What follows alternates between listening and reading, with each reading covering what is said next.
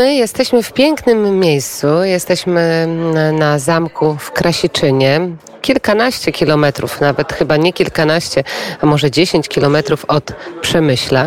To tutaj odbywa się Uniwersytet letni. Uniwersytet letni po raz piąty właśnie w takim pięknym miejscu. Renesansowy zamek, którego różne cztery wieże mamy okazję zobaczyć i podziwiać właśnie z tego miejsca. Opowiemy Państwu o tym, y, co dzieje się podczas Uniwersytetu Letniego, jakie tematy są poruszane, jacy goście są zapraszani. Za mną z tyłu też debata, która przed chwilą odbywała się pod namiotem, przeniosła się teraz tutaj do kawiarni. Te rozmowy cały czas są i cały czas trwają. Emocje są duże, bo rozmawiamy o wojnie, rozmawiamy o mediach, rozmawiamy o trudnej sytuacji geopolitycznej. E, uśmiechamy się z e, moim pierwszym gościem którym jest pan profesor Maciej Szymanowski, dyrektor Instytutu e, Współpracy Polsko-Węgierskiej imienia Wacława Felczaka, który odpowiada za to całe zamieszanie, letnie zamieszanie. Dzień dobry panie profesorze. Za edukację. Dzień dobry. Serdecznie pozdrawiam radiosłuchaczy Radia Wnet i panią redaktor oczywiście. My y, uśmiechamy się, bo pogoda ist naprawdę iście letnia.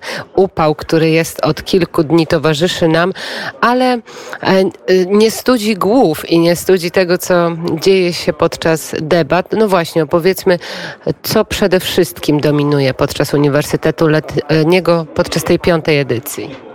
Wszystko to, co wydaje nam się e, z punktu widzenia organizatorów jest najważniejsze dla młodego pokolenia Polaków i Węgrów. Przyjechało 75 młodych Węgrów, studentów lub osób tuż po studiach, ale aktywnych już zawodowo, czy w samorządach, czy, czy w świecie dziennikarskim właśnie. I również z Polski 75 osób młodych, więc rozmawiamy bardzo różnych, na bardzo różne tematy.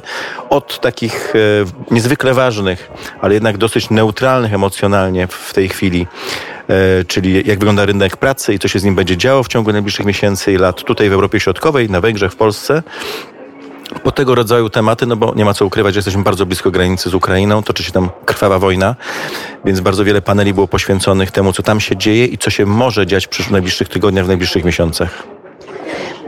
Bardzo ważnym aspektem są także relacje polsko-węgierskie, bo tutaj pojawili się politycy związani oczywiście z Polską i z Węgrami.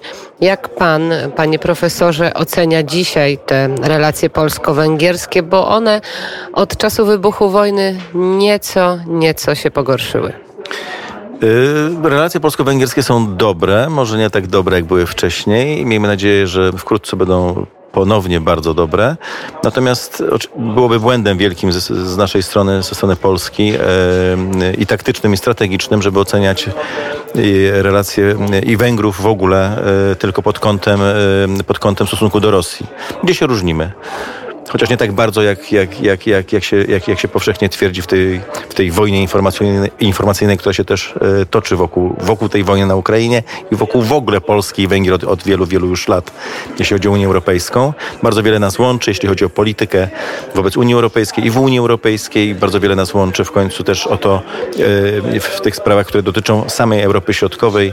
E, nie byłoby Wie Karpatii, chociażby gdyby nie aktywna polityka Węgier. No, są dwa kraje, które tak naprawdę prowadzą aktywną politykę w naszym regionie Europy, poza Niemcami, to jest właśnie Polska i to są, to są Węgry. Także to całe takie przestawienie myślenia, że nie tylko wschód-zachód, a w Unii Europejskiej jest taka, taka linia myślenia, ale również północ-południe jest niezwykle ważna, czego efektem chociażby stało się wejście w tej chwili Szwecji i Finlandii e, do NATO. Mam nadzieję, że to bardzo wzmocni to myślenie właśnie północ-południe, że tutaj północ i południe mają swoje też interesy, które powinny być zauważone z Brukseli, z Paryża czy z Berlina. E, dzięki też właśnie polityce bardzo aktywnej Budapesztu i Warszawy oczywiście, no bo nie, nie da się ukryć, że, że to są y, być może bardzo trudne miesiące dla Warszawy, ale też miesiące, które pokazują naszą siłę, z czego powinniśmy być y, dumni, z czego się cieszyć. Panie profesorze, która debata, który panel mm, przez Pana został mm, najbardziej zauważony albo wywołał największe emocje? E, ma Pan przecież ocenę przez, te, przez tych kilka dni. Tak, bo to już jest czwarty dzień e, Uniwersytetu Letniego e, Polsko-Węgierskiego. Wydaje mi się, że e, wystąpienie w drugim dniu profesora Andrzeja Nowaka, no, który nie mówił dużo, nie wlał w nasze serca dużo optymizmu, jeśli chodzi o wojnę na, na wschodzie przytoczył bardzo wiele danych dotyczących chociażby składu narodowościowego armii rosyjskiej, że te wszystkie straty, które armia rosyjska ponosi osobowe, dotyczą jednak przede wszystkim ludów nierosyjskich i z punktu widzenia mieszkańców Moskwy i Petersburga, którzy w ogóle się nie boją tym samym o swoje dzieci, no nie ma takiego efektu psychologicznego, jak, jak, jak, jak, jak my może myślimy, czy jak się myśli w Kijowie. Z jednej strony, z drugiej strony było bardzo ciekawe wystąpienie e, profesora Palfolwiego z Budapesztu, wybitnego polskiego e, polonisty, autora znakomitych tłumaczeń chociażby właśnie książek profesora Andrzeja Nowaka, Nowaka no, który pokazywał, e, pokazywał pewne niebezpieczeństwa, e, które na przykładzie tych pogorszonych stosunków Polska-Węgry, powrotu do takiej polityki, do takiego sytuacji dividet impera, że w momencie, kiedy my, nawet jeśli, jeśli Polacy i Węgrzy nie będą w stanie z sobą współpracować, to kto ma umieć z sobą współpracować w Europie Środkowej? a oczywiście chętnych do tego, żeby tutaj porządek zaprowadzić i spokój, mówię w cudzysłowie w tej chwili oczywiście, jest, zawsze było wielu, wiele państw takich, które miały takie aspiracje i w dalszym ciągu jest wiele takich państw czy organizacji międzynarodowych. A jak pan się przygląda, jak pan rozmawia z tą młodzieżą, która przyjechała, to co najbardziej najbardziej ich nurtuje? Jakie ta młodzież ma problemy? Z czym przyjechali tutaj? Z jakimi pytaniami? Yy to jest zawsze zaskakujące dla nich, e, a dla mnie na początku e, tych uniwersytetów, że, że młodzież, młoda, młodzi Polacy i Węgrzy Polki i Węgierki są zaskoczone, jak wiele nas łączy. Znaczy, jak, jak, jak mamy wiele wspólnych problemów, jak bardzo po, podobnie myślimy o, o, o, świecie, y, o świecie Facebooka, tym wirtualnym, o tym świecie realnym, o tym, co jest ważne dla rodziny, dla małej ojczyzny, dla dużej ojczyzny. Także tutaj ta, ta zbieżność y, oczekiwań, aspiracji jest bardzo, bardzo wysoka i też poczucie takiego pewnego zagrożenia, że, że wciąż, wciąż w tej części Europy ani Polacy, ani Węgrzy że nie mogą sobie powiedzieć, że, że dobrze, już od lat jesteśmy, należymy jako Europa Środkowa, Wyszehradzka do najszybciej rozwijających się regionów świata. Tak? Bez wątpienia pokolenie młodych w tej chwili żyje zdecydowanie e, na wyższym poziomie, ma wyższy poziom życia niż pokolenie ich rodziców.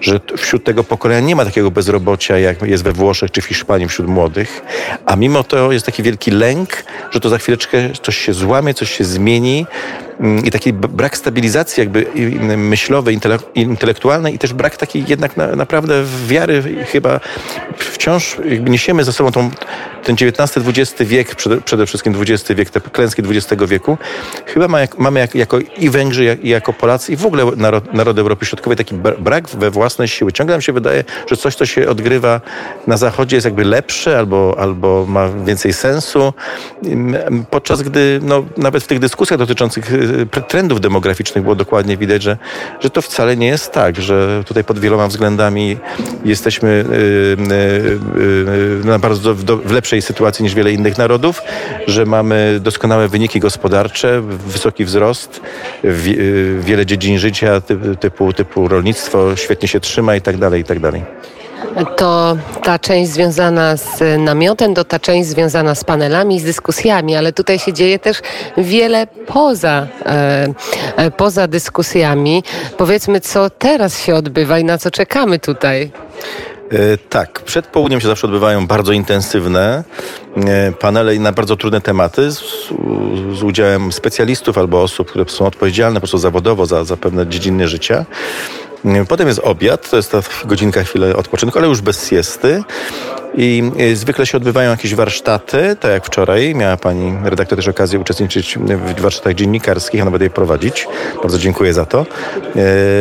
E, Bardzo proszę. Lub, lub jakieś właśnie, e, lub jakieś zajęcia sportowe. W tej chwili też, też się odbywają chociażby e, liczne, liczne zawody sportowe na rzece San, wyścigi kajaków, czy mecze piłki nożnej o puchar profesora Wacława Felczaka.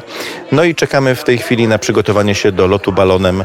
Będzie też taka możliwość, żeby e, taka symboliczna możliwość, pokazanie, że świat z góry wygląda troszeczkę inaczej, że, że, że młody człowiek i wszyscy powinniśmy mieć troszeczkę patrzeć dalej, mieć, mieć ten horyzont troszeczkę dalej postawiony niż może na co dzień zwykle nam się to wydaje spoza, spoza granicy już nie gazety, ale, ale laptopa czy, e, czy smartfona. Kiedy pan ostatnio latał balonem? Nigdy. Czyli dzisiaj pierwszy raz? Dzisiaj będzie premiera. E, U mnie również, tak więc czekamy na tę premierę a i czekamy też y, na wieczór, bo wieczorem dzisiaj pokaz. E, Tak, dzisiaj będzie pokaz, o ile wczoraj był taki wieczór muzyczny bardzo mocno i przedwczoraj, e, to dzisiaj będzie pokaz e, po prostu sztuki, sztuki szabli, e, walki szabli, filozofii, fi, fi, filozofii szabli, e, nawet nie fechtunku, tylko właśnie filozofii. My sobie często nie zdajemy sprawy, że e, nie, nie, naszych, naszych przodków nie przygotowywano e, tylko i wyłącznie fizycznie do, do, do fechtunku, ale, ale związało się z tym bardzo wiele zagadnień dotyczących światopoglądu i religii i o tym będzie film, o tym będzie krótka prelekcja, a potem będzie pokaz, jak tak naprawdę, dlaczego, y, chociażby y, dam tylko jeden przykład, bo sam byłem zaskoczony, dlaczego najbardziej sposób y, y, skuteczny y, poruszania się na polu walki z szablą w dłoni, to jest poruszanie się nogami e, na kształt krzyża. Tego się dzisiaj dowiemy. Dokładnie tak. A teraz proszę zapowiedzieć piosenkę, utwór, bo ten zespół też podczas e, uniwersytetu się pojawił. Y, To będzie zespół Gobe, tylko nie wiem, czy na- najpierw usłyszymy Banat, czy naj- najpierw usłyszymy Fekete Fehir, czyli czarne i białe.